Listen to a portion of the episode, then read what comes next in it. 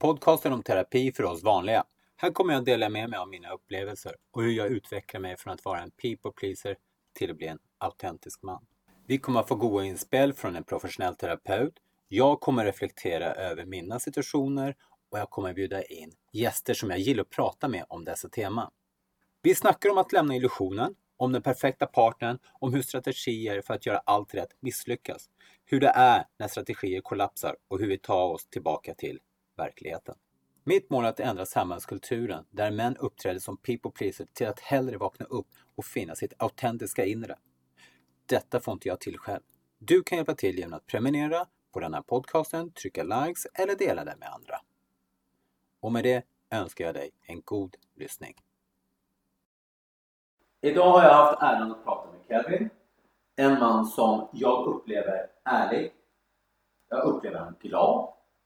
Jag tolkar det som att han har massvis med livsglede i sig og at han ser fram mot varje morgon. Det er en mann med et mission. Han har en ønske å oppfylle noe. Han, vil, han brinner for sin sak hver dag. Kevin har kommet til en stasjon i sitt liv der han følger på denne gleden. Det var dog ikke gratis. Han var tvungen å gå sin strekke. Han var tvungen å gå gjennom sin smärta. Och just den delen att han gick igenom sin smärta har du fått honom dit han är idag. Och jag hoppas att du kommer få samma glädje att lyssna som jag hade till att prata med Kevin. Här kommer vi. Hjärtligt välkomna till eh, Helt ärlig man. Och hjärtligt välkommen till eh, Kevin. Det Tusen hjärtligt en... tack ska du ha. Ja, jag tycker det är lite kul för du, du har kommit och, och var lite gäst på den här podcasten. Och eh, Kevin är inte vem som helst, hörni. Jag har nämligen, jag har nämligen gjort en research. Och, Tusen tack. Eller, eller, eller vänta. Om du presenterar dig själv, Kevin. Vem är du? Det kan jag göra. Det kan jag göra. Ja, då kan jag. Jag är Kevin från Norge. that's it. Ja då, uansett. Jag är en man på nå 48 år. Så vi er godt voksen, heldigvis. Mye livserfaring, og nå brenner jeg på en måte for å gi videre min erfaring. da. Sånn er det. Men uh, det som er, det er at um, jeg har fått tak i en innsikt, en forståelse, en kunnskap som, som endrer mye mitt liv. For at um, jeg sleit veldig mye med angst fra min barndom, fra tiårsalder, elleveårsalderen. Og hele min ungdom i utgangspunktet. Så når jeg skulle i militæret, når jeg var da um, som sagt i 18-19-årsalderen, så fikk jeg veldig utfordring. Alt med å stå rett i troppen, med å ligge på firemannsrom, med å gå i kantinen. Og uh, psykologen i militæret sa da at du har det vi kaller sosial angst. Så det fungerte jo på et vis fram til da, for da trekte jeg meg unna ting. Jeg slutta å gå i butikken, jeg slutta å ta bussen, jeg slutta å gjøre ting som var ukomfortabelt da. Men uh, da jeg kom i militæret, og, og den tiden der, så så etter hvert så, eh, så, må det bare skje noen ting. Og, um, ja, for å ta en lang historie veldig kort, så brukte jeg veldig mye mat eh, som en rus. Spiste mye, overspiste, så jeg var over 22 kilo mer enn jeg er i dag. Maten gikk i magen, når du spiser deg veldig mett, så følte jeg meg komfortabel. og Angsten slapp taket. Jeg brukte mye TV. I dag er jo det Netflix som finnes, men uh, for, i den tiden der, for 25 år siden så var jo det ikke noe Netflix. Det var jo alt som gikk på TV av såpeserier og sånne ting. Men så gjorde jeg én ting til, og det var å bruke fart. Så jeg kjøpte meg en uh, motorsykkel. En, en uh, 1000 kubikker Yamaha. Og kjørte veldig fort på den. Men det jeg opplevde da, det var at jeg følte meg fri. jeg følte meg veldig fri når det gikk fort. Og Grunnen til det er at jeg var 100 til stede. For når du har 200 km i timen, sant, så tenker ikke du på fortiden, du tenker ikke på framtiden. Du er akkurat her og nå. Og da forsvant mye av smerten. Og Det er jo det vi har en tendens til, å gå inn i fortiden og gjøre det smertefullt her og nå med å se på den, eller vi går inn i framtiden og ser ikke noen framtid og har ikke håp for framtiden og skaper smerte her og nå. Så fart ble faktisk en rus for meg å kjøre motorsykkel. Mm. Eh, men heldigvis for meg så ble jeg tatt av politiet. Og eh, det gikk såpass fort jeg måtte i fengsel. Og da skrev jeg en liste med hvorfor ting gikk til helvete. Da, det var min uh, ultimate kanskje nedtur. Da var jeg blakk, jeg hadde mista sertifikat, jeg var feit, jeg var dum. Jeg var sjuk. Jeg på blodtrykksmedisin, jeg gikk på antipsykofarma. Jeg starta å skrive en liste, den første på den, min barneskolelærer. Men det var én ting som mangla på den listen, og det var meg sjøl. Så jeg var det vi kaller et offer. Så heldigvis for meg så slapp jeg ut av fengsel etter hvert. Og det rare er at eh, jeg satte på en film som heter Rocky. Og eh, Rocky var faktisk min første inspirasjon for dette. Jeg kjente meg igjen i sønnen til Rocky som klagde på ting og sutret på ting. Men uh, Rocky han sa til guttungen sin at uh, livet er en tøff plass. Det er ingenting som slår deg så hardt ned som selve livet. Mm. Og Musikken kom på, og akkurat der og da så tok jeg en avgjørelse. Jeg kom til et punkt jeg var trøtt og lei av å være trøtt og lei. Så når du er trøtt og lei av å være trøtt og lei, så har du kommet veldig langt. og Vi kaller det threshold i coachingen. At du, du må ha en endring. Smerting, smerten er så stor at du, du må ha en endring. Og det er det vi ser av kreftene smerte og glede, så er smerte den største motivasjonsfaktoren. Så den dagen smerten er så stor at du bare du må endres på noe som helst, så, så skjer det. Og heldigvis for meg så var ikke det er ikke et alternativ å ta mitt eget liv, f.eks. For, eksempel, for jeg vokste opp i en indremisjonsmenighet, eh, kristent miljø, der du, du kan ikke ende noe smertefullt og forvente og tro at det skal være slutt på smerten på den andre siden. Um, men det er det vi ser etter den dagen det er så smertefullt å leve at vi tror at det er mindre smertefullt å dø, så, så er vi virkelig i en lidelse da. Um, og det var det som skjedde med meg. Når du har kjent på den lidelsen, så er det faktisk en, det er en veldig fordel for meg i dag. For det er jo det jeg kan gjøre, det er å hjelpe andre som, som er i den samme type lidelse. Og en lidelse er jo veldig smertefullt. Men forskjellen er at du tror ikke at ting kan endre seg. Du tror ikke at ting vil eh, bli bra noen gang i utgangspunktet. Men det var jo der jeg gjorde og skapte min comeback-story, hvis man skal si det på den måten. Og det har jeg gjort. Jeg var så heldig jeg da kom eh, i kontakt med personlighetsutvikling. Og eh, jeg hørte faktisk en CD av Tony Robins. Den første jeg hørte, var i 2001. Og da forsto jeg at oi, jeg gir angst, jeg gir depresjon. Og jeg starta å studere det og slutta min jobb i 2005 og har jobbet med mennesker og gjort som mentaltrener i, siden 2005. da. Men det jeg opplevde i, i 2019 var mitt samlivsbrudd. Så da eh, opplevde jeg å rett og slett etter 15 års ekteskap, eh, vi har eh, fire barn i lag, så opplevde jeg dette smertefulle som er et samlivsbrudd. Og da bestemte jeg meg for at uh, jeg skal jobbe med samliv, jeg skal jobbe med samlivsbrudd. For det er faktisk noe av det aller mest smertefulle vi kan oppleve. Mm.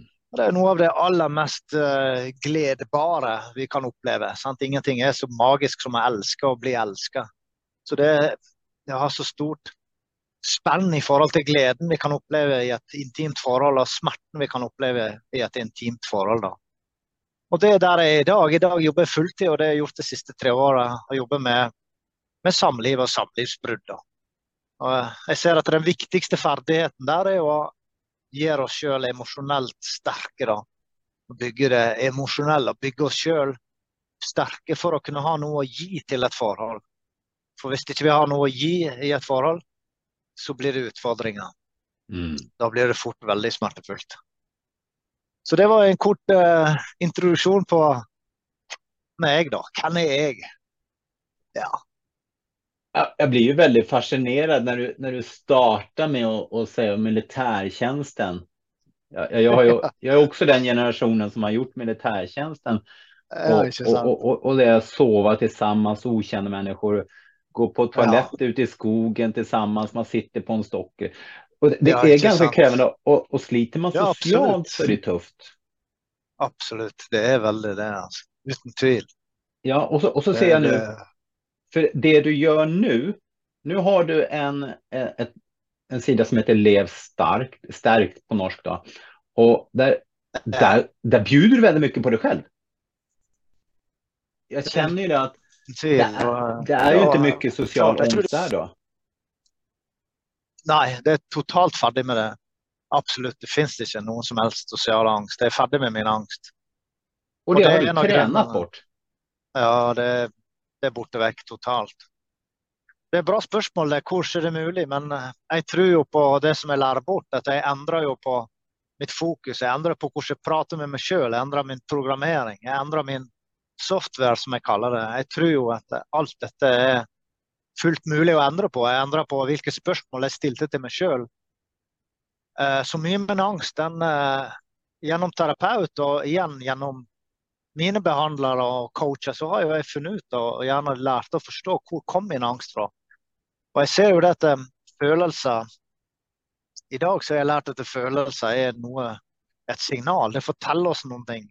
Mm. Det forteller oss at eh, du må endre på noe. Og det du må endre på, er enten ditt liv, eller så må du endre på din persepsjon, hvordan du ser på din ting, din tolkning. Men i grunnen så er følelsene bare et signal, det forteller deg noe. Men min angst det kom ifra at jeg vokste opp i Indremisjon. Jeg fikk faktisk en frykt i eh, min eh, ja, la oss si 10-11-12-årsalderen. En frykt for å bli homofil av alle ting. For at da trodde jeg at jeg ble ikke elska av min far, jeg trodde ikke jeg ble elska av Gud. jeg trodde ikke... eh, Så i grunnen så var min angst kom igjen som et signal fra frykten for å ikke bli elska. Mm. Og det er jo dette vi alle har. Vi alle har en frykt for å ikke bli bra nok. Vi alle har frykt for å ikke bli elska, da. Men det rare er jo at hvis vi stiller oss sjøl et spørsmål da, i hodet hvordan sant? Hva skal til for jeg skal bli elska, f.eks.? Da antar du, og du forteller til deg sjøl at du ikke elsker. Du vil alltid strebe, du vil kanskje prøve å please. Du vil, du vil ta det inn i, et, i en helt annen fokus. Og når jeg lærte det her og ble bevisst på dette av, av uh, sjøl, dette er jo ting som jeg har lært, det er ikke ting som jeg har funnet på, for å si det sånn.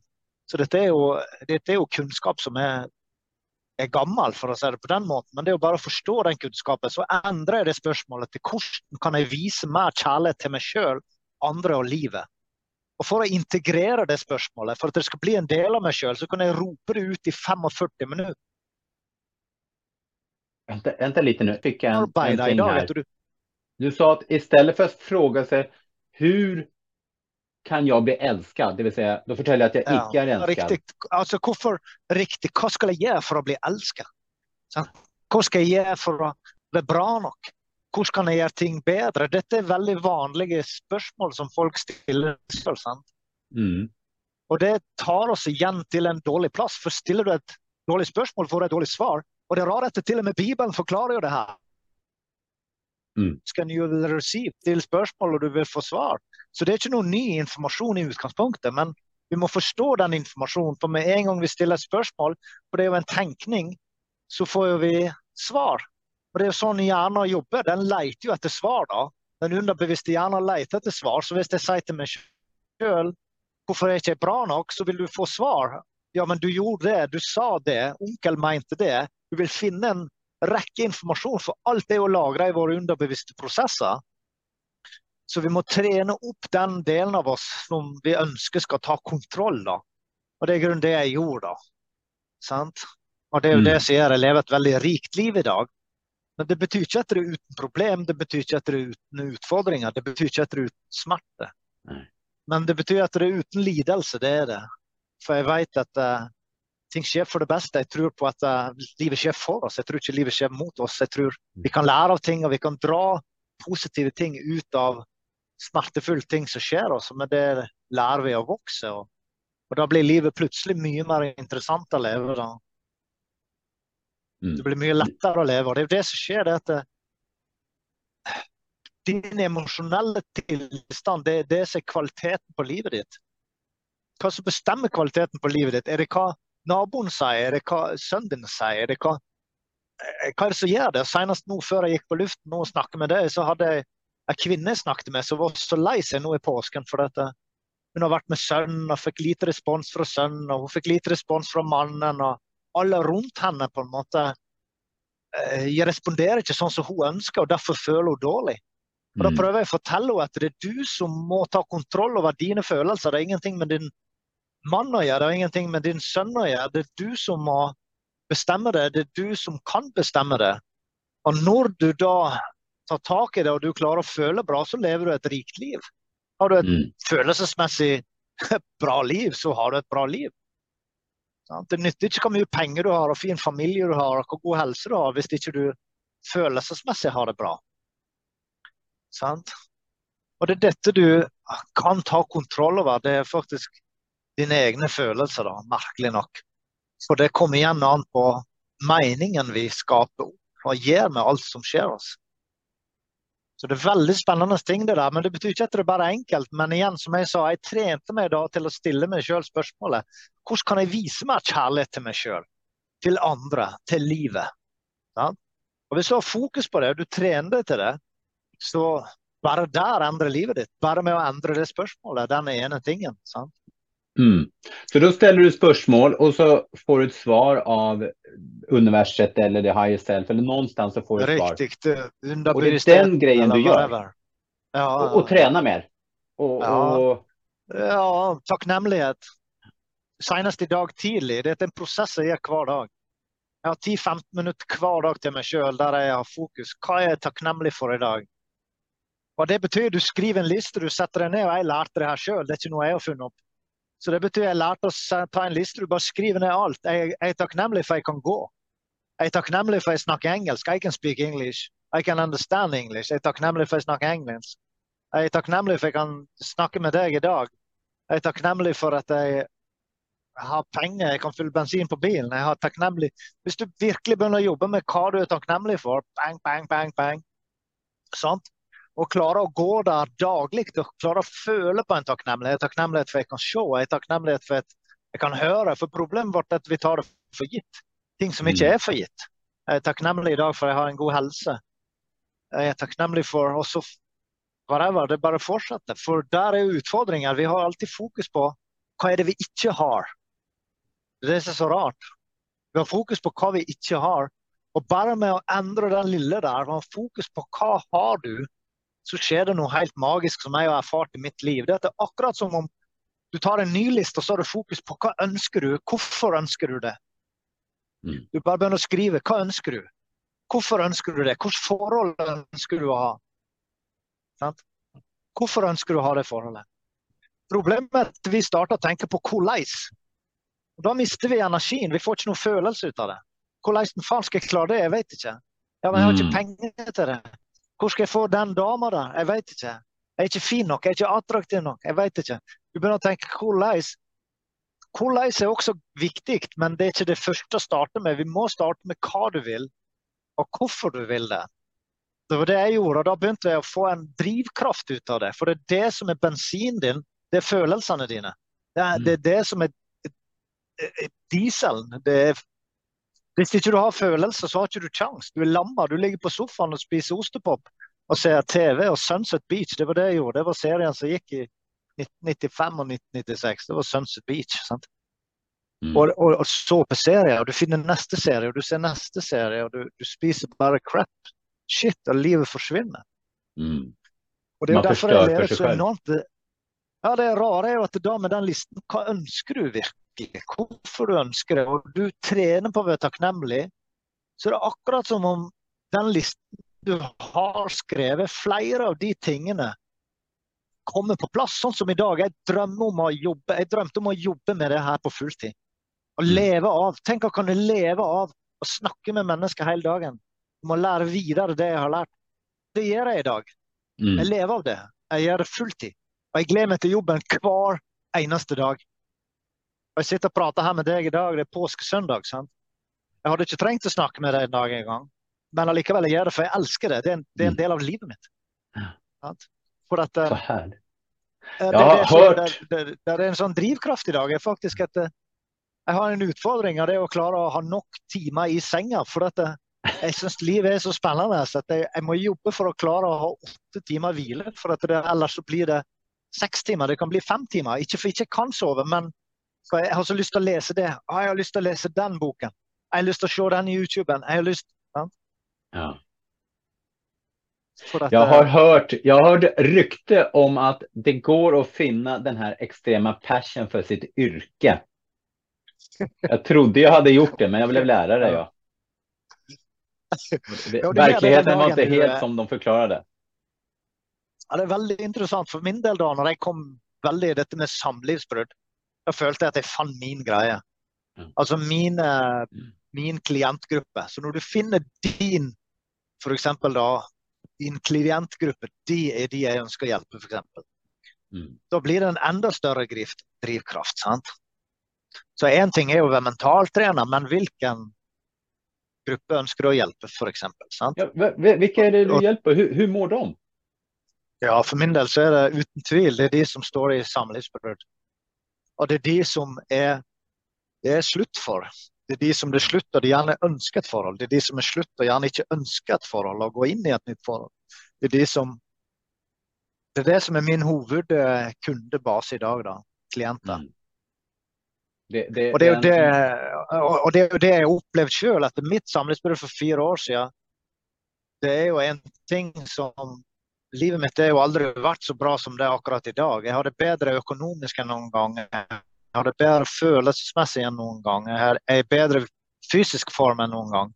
Og jeg faktisk lever i lidenskap og kjærlighet også nå. Jeg lever et forhold som er helt amazing med en jente fra Bergen eh, som jeg er på vei til å besøke nå. Så, eh, så det betyr at eh, noen ganger så er brudd veldig viktig. Mm. For vi avbryter hverandre, for å si det på den måten. Altså forholdet sin rolle er utspilt. Vi har vokst ifra hverandre, vi er ferdig med hverandre. Vi har lært det vi skal lære av hverandre. Så mange er så livredde for brudd. De er så redde Mm. for å gå inn i det ukjente. Men min erfaring er at det, det er faktisk en av de beste avgjørelsene jeg har tatt i mitt liv. Ikke bare for meg, men også for henne og for våre barn. For det, våre barn trenger jo en glad mamma, de trenger en glad pappa. De trenger en Mm. ressurssterk mor, de trenger en ressurssterk far. De trenger en Og det, og det opplevde jeg i, i, i vårt forhold etter, etter den verste tiden for våre barn. Det var jo de siste ett og et halvt året vi bodde sammen, der de, barna opplevde en enorm tension, en enorm spenning. De fortalte at de så etter mor og far, prøvde å ikke ha øyekontakt. Mm. Og når, når barna lever i den, den tensionen der, så blir jo barna stressa av det. sant?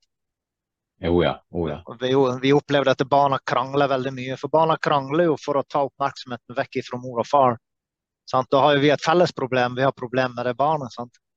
Ikke sant? Mens, Ta på sig skulden alltihopa. Mm. Ja, så vi har, jeg har merka enormt stor forskjell på også barna etter bruddet. Så enten så må han få til forholdet, eller så må han bryte ut av forholdet. Ja. Og det er jo det jeg opplever i dag. Mange lever i skal, skal ikke. Det er veldig smertefullt. Ja. No, Ingenmannsland, som vi kaller det. Det er ikke bra, men det er ikke dårlig heller. Da. Nei, de, de, den plassen er ikke bra. Den platsen ikke, inte. Nei, det, Det- det, det- for, det er presis precis nok. Ja, det er nettopp det. Jeg kom å tenke på en liten rolig sak som når du sier det med takknemlighet. Ja. Så jeg var i Stockholm, eller jeg er jo i Stockholm fortfarande, det er jeg jo. Og, og, her er vi takksomme. Eh, ja. og, så, så og så skulle jeg gå over, jeg skulle gå over veien inn i, Ja. i Stockholm. Og så står jeg og tittar på og det er, eh, det er rødt.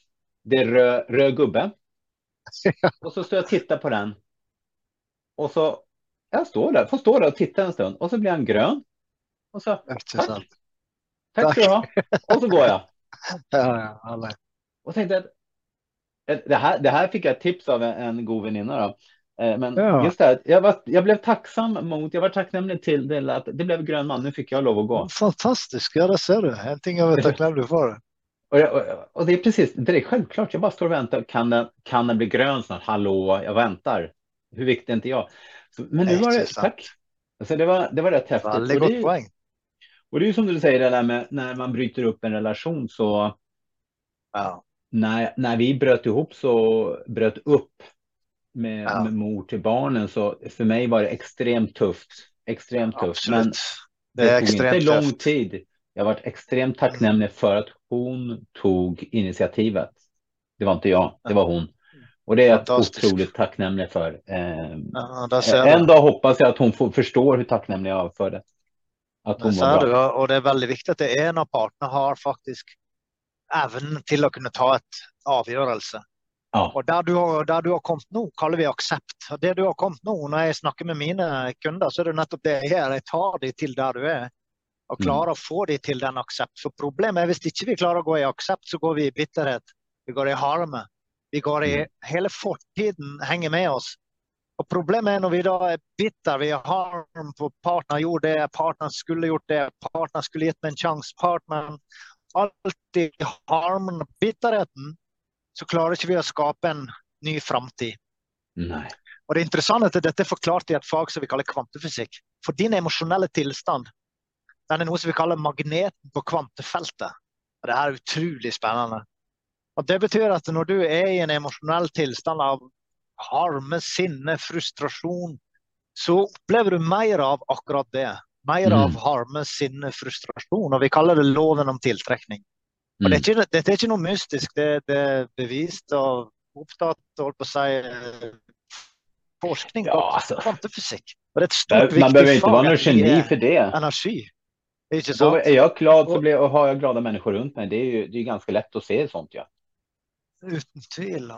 Och det, det, det, det när du säger poäng. acceptans. Accept, så, yes. Ja, så, så får jag så lite, lite gåshud. För att det är någonting som jag har hört många människor prata om. Jag förstår vad det är för någonting.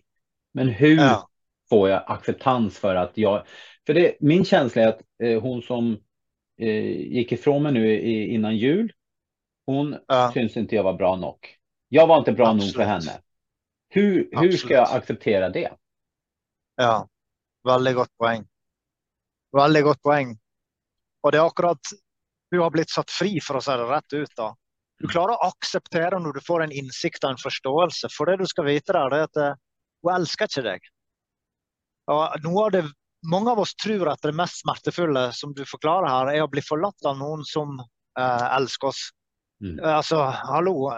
Å bli Noen skal forlate oss som vi elsker. Vi tror at det er det mest smertefulle. Men det verste er faktisk å være med noen som ikke elsker deg. For det du mm. gjør da, det er nettopp det. Du prøver å endre deg. Du prøver å være noe du ikke er. Du mm. prøver bla, bla, bla. Du prøver å være morsom hvis du ikke er morsom. Du prøver å være spontan hvis ikke du er spontan eller impulsiv. Men du er ikke det. Og problemet er at det, det koster så enormt mye krefter å være ting som ikke vi er. Da tar vi på den masken. Og Derfor så sier jeg til mine kunder da, at du har blitt satt fri. Du har ikke blitt forlatt, du har blitt satt fri. For dette, du ønsker ikke å være med en sånn partner. Du ønsker faktisk ikke å være med det, for det er veldig skadelig på lang sikt. Det virker veldig trygt og godt, men jeg kaller det et trygt problem.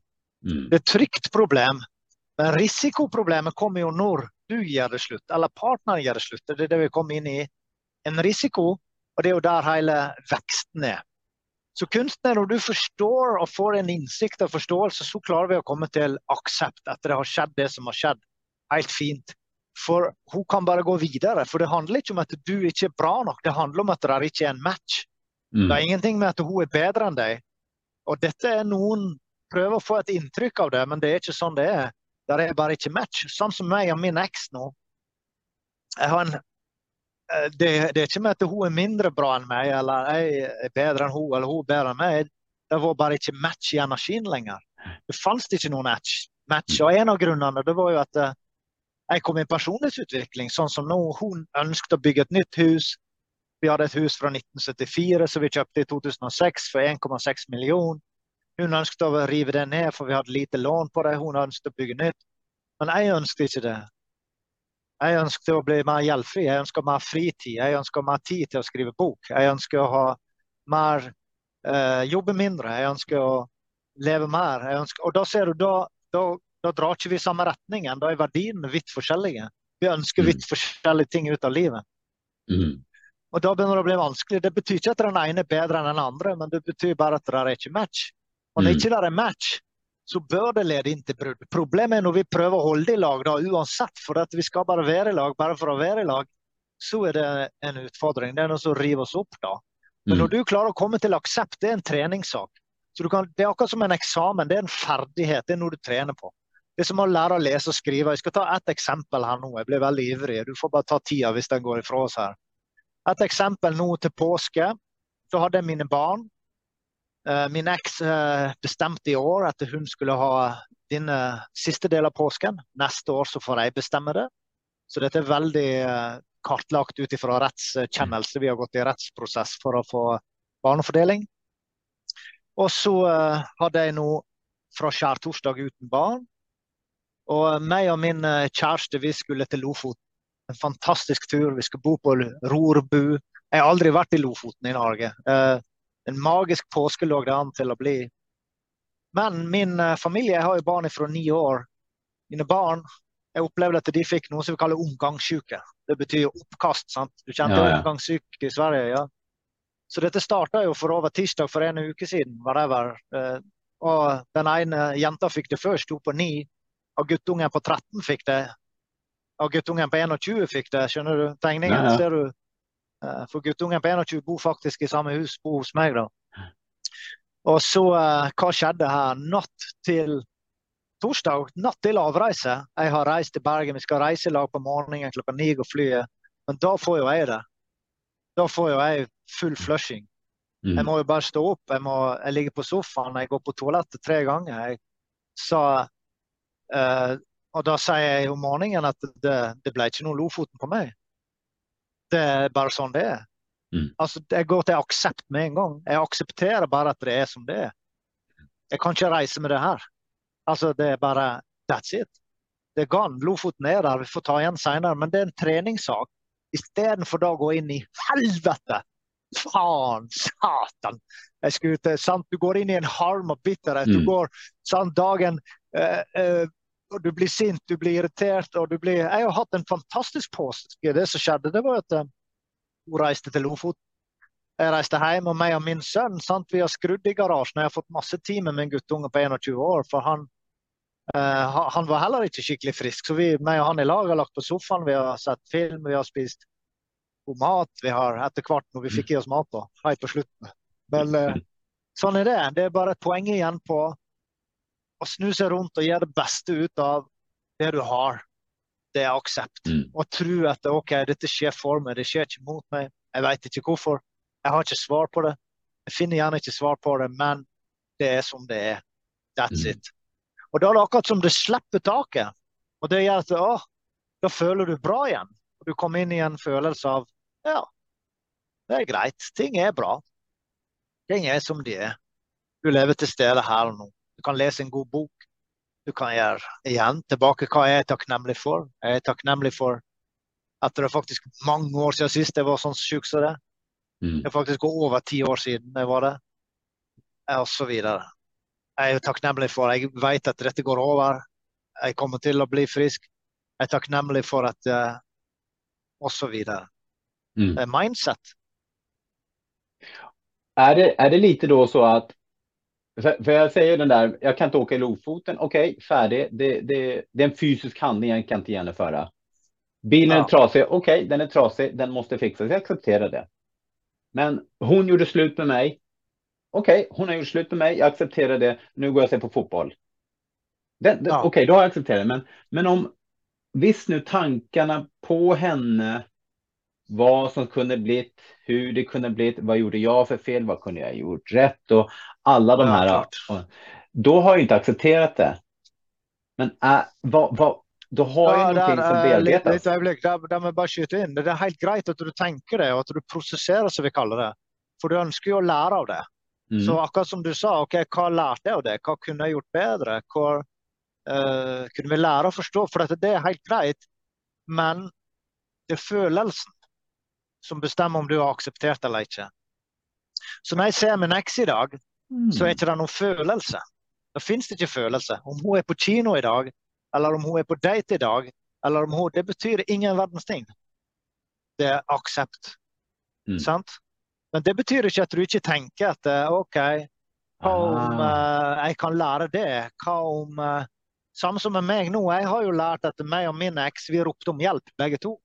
Mm. Er du med? Vi, vi, mm. hadde en uh, skjev fordeling som ble veldig stor. for at uh, Vi vokste så fort. Vi har fire barn, som sagt. Vi fikk flere eiendommer. Hus uh, i Norge, vi, leilighet i Spania, hytte på fjellet. vi bestemte at hun skulle ut av jobb, ta seg av hus og hjem. Jeg skulle jobbe for å ta meg av økonomi. Og den skjev fordelingen gjorde at vi kom inn i mange mange konflikter og utfordringer. Mm. Så eh, gjorde at vi begynte å skylde på hverandre eller rope om hjelp. Jeg var utslitt, jeg måtte jobbe masse, for vi hadde jo tilvent oss en høy standard. Vi hadde tilvent oss to måneder ferie i året. En måned på hytta i fjellet og en måned i Spania. Sant? Alt dette så ønsker vi å leve og fortsette den standarden vi hadde som om når vi hadde to jobber. Sant?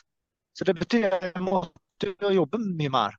Eh, Mm. Og jeg ble utslitt av det. Og hun måtte jo ta seg hus av hjem, som var kjempemye jobb, som gjorde at hun ble utslitt. Så begge to blir jo utslitt og begynner å skylde på den andre.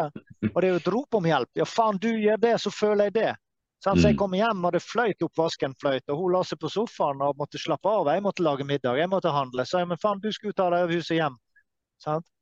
Så Mm. kom jeg og sa at vi må selge leiligheten i Spania, for vi har ikke økonomi til å drifte leiligheten. Så sa hun ja, men du skulle ta deg av økonomien. Ja. Så begynner vi å rope om hjelp sant? og skylde på hverandre. Men hvis en av partene der hadde klart å sagt jeg er lei for det, jeg elsker deg, hva kan jeg gjøre for deg? Sant? Jeg vet at det er vanskelig for deg. Det er et uttrykk av kjærlighet. Mm. Hvis en av Mm. partene hadde uttrykt kjærlighet, hvis en av partene hadde vært og så? Mm. så kan, eh, kan alt skje. Og det er jo det du ønsker, bare å se litt kanskje tilbake igjen eh, til at eh, OK. Det samme var jo med kjærlighetsspråkene. Jeg reiste mye da og begynte å jobbe mye. Og hennes kjærlighetsspråk uh, var tid. Og jeg skjønte jo ikke det da, men jeg vet det nå, for jeg har jo lært de tingene sjøl. Tid. Og hun fikk ikke tid. Og når hun ikke fikk tid, så fikk ikke jeg berøring. Jeg fikk ikke ord. Mm. Når ikke jeg følte ord og berøring, så følte ikke jeg meg elska. Hun følte ikke seg elska. Ingen følte seg elska. Mm. Så du kan trekke tilbake og se mer hvor OK, hva skjedde, hva kan vi lære ut av det? Og med det bli en mer ultimat partner. Og den ultimate partneren kan du ha med til, til neste forhold. Og skape Mm. det mer ultimate forholdet. Mm. Sant? Det- og, det, og, og det er jo der vi gjør dumme ting. Vi sier dumme ting. Hvorfor? Når vi er i en følelsesmessig dårlig tilstand. Og det er det vi alle har gjort. Og da kommer vi i noe som vi kaller dangerous zone. altså Dr. Chloe Madonna, som jeg har lært disse tingene av i tre-fire år. Jeg har tatt alle hennes kurs, lest hennes åtte bøker. Jeg gikk helt bananas. For at hun har jobbet med det i helt liv. Hun er en psykolog, 81 år. Hun har holdt på med forhold hele livet. Og når noen, har jobbet med noe et helt liv, da vet de noen ting om dette. Ja. Og det, hun, hun kaller det dangerous zone. Det betyr du kommer i den sonen som rett og slett du sier ting, du gjør ting du, som du ikke bør gjøre for at du emosjonelt uh, ikke har det bra. Du har ikke det bra følelsesmessig. Og du hiver ansvaret over til partneren. sant? Akkurat som partneren din gjorde. Partneren sa at 'jeg føler ikke bra nå, for du er ikke bra nok'. Skjønner du? Mm. Så partneren din trenger å vokse. Partneren din trenger å utvikle seg. Mm. Og da får vi håpe at det skjer, men det skjer ikke uten smerten. Det er det som er problemet. Så det du opplever nå med smerten med bruddet, det er gjerne at du går inn i vekst. Du søker etter ting, du leter etter ting. Men hun finner kanskje en ny partner så raskt. Men en gang hun finner en ny partner, så er ikke det noe læring og erfaring, for det er ikke noe smerte. Nei. Det er all smerten som pusher oss inn i en vekst. Det er smerten som pusher oss inn i en læring. Sant? Så smerten er kritisk viktig og nødvendig. Den er en del av livet. Det er et tegn på liv. Lidelse er noe helt annet. Lidelse er når ikke vi tror at ting kan endre seg, og vi tror at det vil vare for alltid. Mm. Vi tror at ingen vil elske oss. Vi tror jeg vil dø ensom. Vi tror at det er sant. Det er ikke verdt noen ting. Vi tror det er lidelse. Mm. det det, är stort där, det stort där du sier om smärtan for at jeg har jo den filosofien at vi endrer oss inte för vi har det vondt nok. Ja, det er helt riktig. Når vi har vondt Og, nok. det, og, og, og, da kan jeg anbefale deg og dine lyttere at du går inn i et arbeid som, av en som heter Claire Graves. Claire Graves C. Han var veldig stor på 60-tallet. Og Han delte inn i noe som vi kaller åtte bevissthetsnivå. Da vi starter som barn, vi starter veldig egoistiske. Mange tror at et barn er kjærlige, men vi er ikke det. Vi er veldig egoistiske. Vi griner instinktivt på lyd eller berøring eller manglende mat eller søvn. Og vi skal ha nå. Vi skal dekke våre behov akkurat nå. Så vi starter ut veldig egoistisk alle sammen. Og han forklarer det her gjennom sitt arbeid, hvordan vi da kan vokse gjennom disse åtte bevissthetsnivåene. Og det interessante er at dette var det Nelson Mandela hadde med seg. Denne kunnskapen. Og en av grunnene som gjorde at Nelson Mandela gikk til aksept. Nelson Mandela hadde ingen harm, han hadde ingen bitterhet når han slapp ut etter 27 år. Mm. Det er et bra eksempel, ikke det? Ja, Han ble, han han ble intervjua når han ble sluppet ut. Hvordan har det vært å lide Nelson i, i 27 år? Han ble irritert av spørsmålet. Jeg har ikke lidd, sa han. Jeg har forberedt meg. Ja. Jeg har forberedt meg på å lede landet. Og Det er derfor alle vet hvem Nelson Mandela er i hele verden. Mm. Ingen veit hvem Joe Smith er, for at uh, forskjellen ligger i det mindsettet. Han gikk Mm. til aksept. Det fantes ikke bitterhet. Han visste at det, det var meant to be. Det blir som det blir. Han gikk til aksept. Aksept, Tøft ord. Ja, det er et utrolig tøft ord. Og, og uh, det, er, det er nøkkelen. Det er nøkkelen å gå til aksept. For at da er du på den rette skalaen, og dette lærer vekk til mine studenter. For du kan finne en, et barometer på følelse. Det er skyldfølelse, bitterhet, eh, sinne, frustrasjon, harme. eh, alt av dette her, blaming, alle disse følelsene ligger under streken. Aksept, da er du bikka over rette, rette streken. Da kommer du over grønt. Du kan se på det som et trafikklys. Mm. Eh, Rødt, du ønsker ikke å være i rødt, du ønsker å komme over i, i grønt. Og da kan du gå videre til kjærlighet. Da kan du gå videre til entusiasme. Du kan gå til takknemlighet. Du kan gå til, da kan du begynne å trene virkelig på de følelsene. Mm. Og det er en treningssak å føle det. Eh, Hjernen de er ikke, den er ikke designet for at du skal være happy. Den er designet for å unngå farer. Den er designet for å Mm. se etter utfordringer. Den er designet for å unngå smerte. Den er designet for helt andre ting enn å gjøre deg happy. Og det, Et- og, og det, Jag tänkte på en ting här, eller jag tänker på ganska många ting här nu. För det är ett tematik här som, jag ska bara nämna det. Jag ska nämna, vi, vi har inte tid att gå in på det idag. Jag hoppas att vi får möjlighet att göra det sen. Och det är det maskulina, feminina. Jag bara Ja. lä- lägger ut den som en liten såt der. där. Och så Ja, ja. tänker jag mer, eller, och, och, och kanske tillägger det, skillnaden på att det maskulina är inte per definition man och feminin är inte per definition kvinna. Nei, utan det är egenskap, egenskaper vi har. Nei, helt riktig. Men, men man och kvinna däremot. För det, det är ju många fler kvinnor som tar tag i det här och jobbar med det här. Ja. Ja, da, det, er, da, det er riktig, og det er ikke noe nytt heller. og Dette ble forklart faktisk på 60-tallet, også av Claire Graves.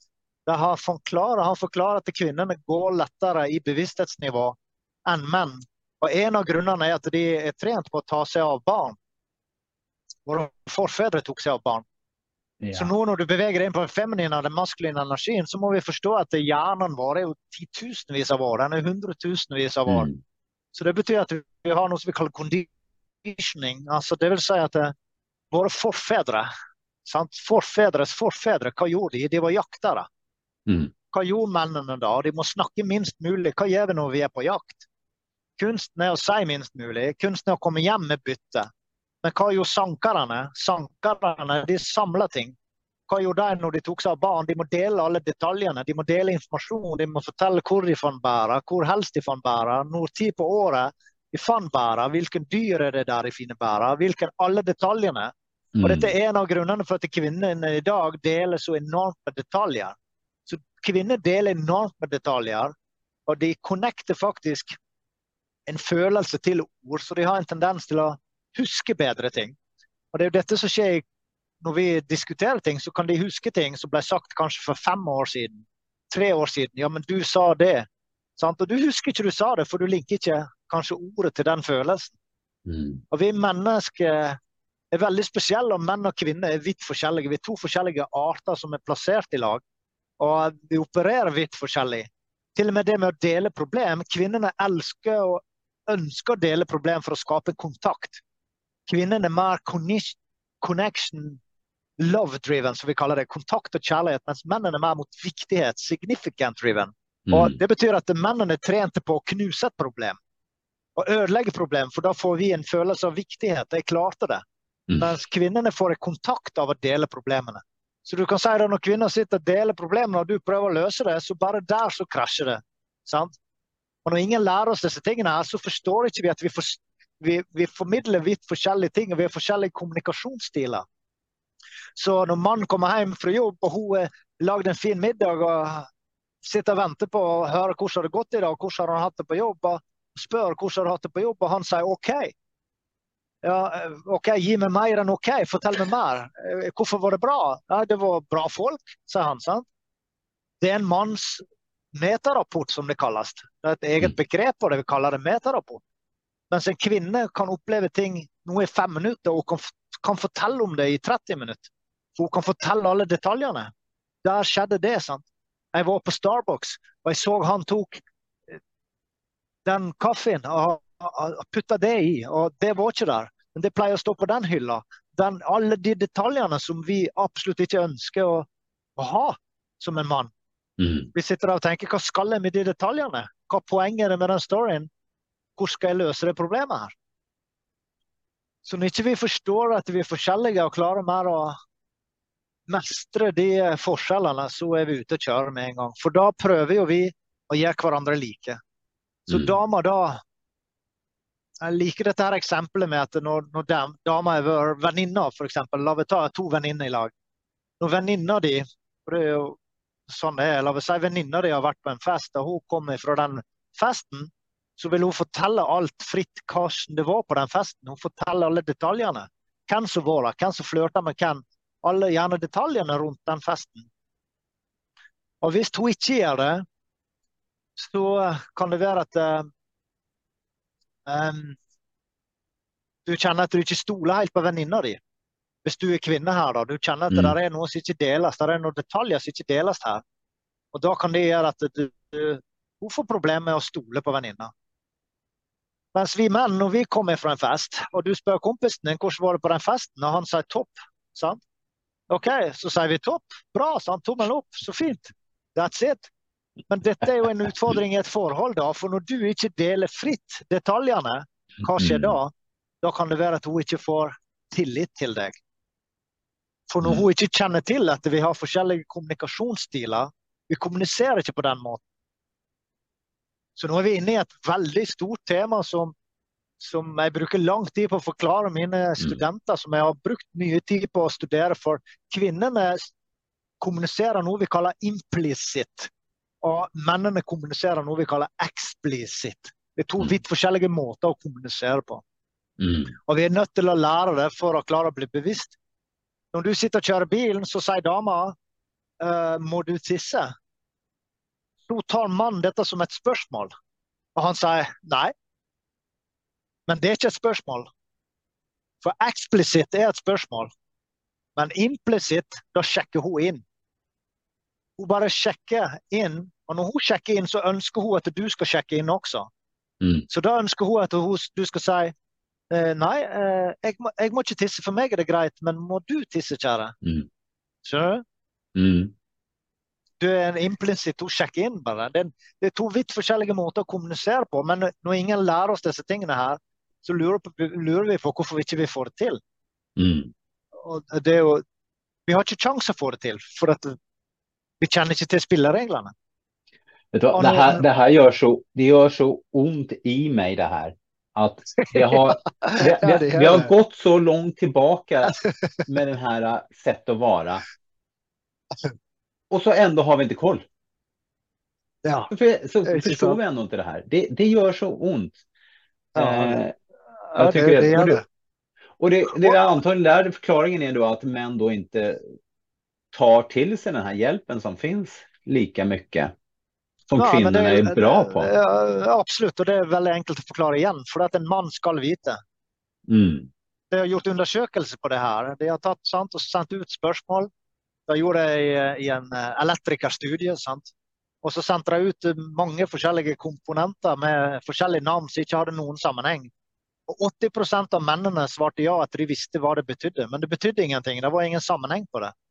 Mens kvinnene, 80 svarte nei. De visste ikke hva det betydde. Så problemet når du spør en mann, så sier han ofte at han vet, men han vet ikke. Men han skal vite. For en mann skal vite, for at det, det er en del av følelsen av å være viktig igjen. Hvis en mann sier at jeg, jeg vet faktisk ikke, sant? Eh, Så, eh, så er jo han sårbar igjen. Så dette er jo igjen tilbake til den, den maskuliniteten og femininiteten og, som gir til dette, gjør at dette blir en utfordring. Da. Men mennene trenger jo uten tvil å, å lære å forstå dette. eh, Ja, Tvil, jeg har, jeg har en måte. liten test her. Eller en liten tanke jeg fikk her. Visst du står jeg skal ikke si at du står på en scen for det blir enda mer høyt opp. då. Men du, du står, vi står i jämnhöjd. Og vi har testet Ja. ut alle, alle de her vi er lika starka, vi är lika unga, vi är lika attraktiva, kvinnorna vill ha oss lika mycket, allt är likt. Utom den här tingen då. Du vet någonting som jag inte vet. Blir du då alfahannen? Ja, det er det store spørsmålet. Og det er jo der eh, det treffer instinktene i oss. sant? Ja, för att Och det är om du då er alfahannen, om, nu har vi Kevin som har väldigt mycket kunskap och jag som är man. Ska jag erkänna att jag inte kan det som Kevin kan? Men då betyder det att jag är ju beta då, det är underställd. Och det är klart att det, det är ingen man som vill räcker upp handen, jag är beta, jag går in här. Ja, men det, det er nettopp dette som er så viktig med Mm. selvutvikling. Det er å klare å observere den som observerer. For det er jo det vi er. Vi er det vi tror vi kan, det hindrer oss til videre forståelse. Sant? Så hvis du lytter på det her, så kan du skrive ned den setningen. Det du tror du kan, hindrer det til videre forståelse. Og det er dette som er så vanskelig, da, å noen ganger sette til side det vi sjøl tror vi kan. Mm. Men det er der veksten ligger. For problemet er en tro. Ditt trosystem, og det er jo dette som gjør at jeg lever et rikt liv i dag, for jeg endrer mitt trosystem. Men problemet er at du stiller ikke spørsmål til trosystemet ditt, for det er slik. En tro er en sikkerhet på at noen ting er slik. Utfordringen er at da stiller ikke du spørsmål til det. Og det du tror du kan, det hindrer deg til videre forståelse. Så det er en det er veldig høyt bevissthetsnivå å faktisk å sette spørsmålstegn til det som du sjøl tror på. Du må, og det er det du må for å vokse når du har smerte, når du har utfordringer, når du sitter i det veldig vanskelig, så må vi faktisk inn og jobbe med trossystemet. Mm. Hva er det, hva er det jeg tror nå som gjør at jeg får en sånn smerte som jeg nå har? Og Det er jo sånn jeg har jobbet med å luke vekk mine begrensede overbevisninger. For Jeg trodde jeg var ikke bra nok. Sånn som jeg har jobbet med det, jeg er bra nok sånn som jeg er. Ja, men jeg har gjort Mm. feil. Ja, men det er en del av livet å feile. Ja, men jeg har Mm. gjort mislykka ting. Ja, det er en del av livet å gjøre mislykka ting. Men jeg er ikke mislykka for det. Jeg er ikke en feil for det. Jeg gjorde så godt jeg kunne med den kunnskapen jeg hadde. Mm. Og sånn må Mm. vi gjøre hele tida som mennesker. Sant? Som far. Vi gjør dumme ting kanskje overfor våre barn. Vi kan si ting til dem. Det er ikke alltid lett å håndtere sin egen emosjonelle tilstand. Jeg har ei nå som er 13 år. Sant? Hormoner går jo bananas. Da må jo jeg selvfølgelig være en stødig, den rolige og fortelle Mm. ting. Og, og det betyr ikke at det er bare enkelt. Hvis du er sliten, hvis du har sovet dårlig, du har jobba mye osv. Det er enda vanskeligere. Men du, kjære deg, det er fantastisk å snakke med deg, men jeg ser jeg Mm. har en avtale igjen nå fra klokka to. Ja. sant? Jag tänkte, Så- jag tänkte tanken också här att vi- det maskulina feminina hoppas jag att vi kommer tillbaka till. Eh, Kevin, dig vill jag ha tillbaka på mitt öra flera gånger. Jag tackar dig stort. En sista Tack ting bara. Var får folk tag på dig? Hvor finner de deg? Du er fantastisk. Da kan du gjøre to ting. Veldig enkelt. Du går inn på kevinfroistad.no. Mitt navn Kevin Froistad, F-R-O-Y-S-T-A-D.no. Men hvis det er litt enklere, så er det levsterkt.no. Levsterkt.no. Så kommer vi inn der, da. Levsterkt. Veldig kjekt. Jeg digger det Ja, det er enklere. Ja, det, jeg, har, jeg har mål om å eie det. og For å avslutte bare med det, da, så dreier Lev sterkt seg om å finne din indre stemme og kjenne inni deg hva er det som er riktig for deg. Og Når du har den indre stemma di der, så ønsker du å følge den. Selv om du har frykt for å ta feil, selv om du har frykt for å gjøre de galne tingene, selv om du har frykt for om at det ikke skal gå bra, selv om du ikke vet hvordan. Men når du følger den indre stemma der, så endrer livet seg. Du beveger deg mot det som jeg kaller gode vibber. Og Det var det jeg gjorde i 2005. Jeg jobbet som mekaniker. Jeg kjente at jeg vil jobbe med mennesker. Jeg ble Mm. trøtt i kroppen. Jeg ble lammet for at jeg var på feil plass. Dårlige vibber tapper deg for energi. Men jeg kjente og jeg lærte disse prinsippene at eh, jeg skal følge den indre stemma. Jeg vil jobbe med mennesker. Jeg vil jobbe med mentaltrening. OK, jeg slutter jobben min. Og det er bare en av de beste avgjørelsene jeg har tatt. Men poenget var bare at du ønsker å følge sånn som hvis du er i et forhold nå, du kjenner at dette er over, det er din indre stemme, så det er den du må følge. Ja, vi har redd for alt det ukjente, vi har redd for alt der ute som ikke vi vet hvordan vi skal håndtere. Mm. Så du ønsker å gå inn og kjenne virkelig på den indre stemma di. Men det endrer jo seg ut ifra prisme hvor du er helst i din livssituasjon. Er du i en småbarnsfase, du har et barn på tre år, du har et barn på fem år, så kreves jo dette et enormt ansvar. Da må vi sette våre egne behov til side for å kunne faktisk ta oss av våre barn Mm. Mm. i, til vi har fått, fått gang på de, og det er også en veldig viktig. Så Derfor er ingenting her er svart eller hvitt. Alt er litt mer komplekst enn det, men vi ønsker å se vi ønsker å ta valg ut ifra hvor er vi helst i, i livet. da. Så det er veldig spennende. Og det er det som er målet mitt, å bringe videre den levsterkt-kunnskapen, inn, Ja. innsikten. heier på deg. Jeg hejar på deg. Takk. Ingenting är svart eller vitt. Men det tenker jeg at vi avslutter. Kevin, stort Ja. til din medverkan. Jeg hoppas jeg får deg tilbake på tråden. Og ha det godt den vi. Ha det godt. Ha det. Ha det.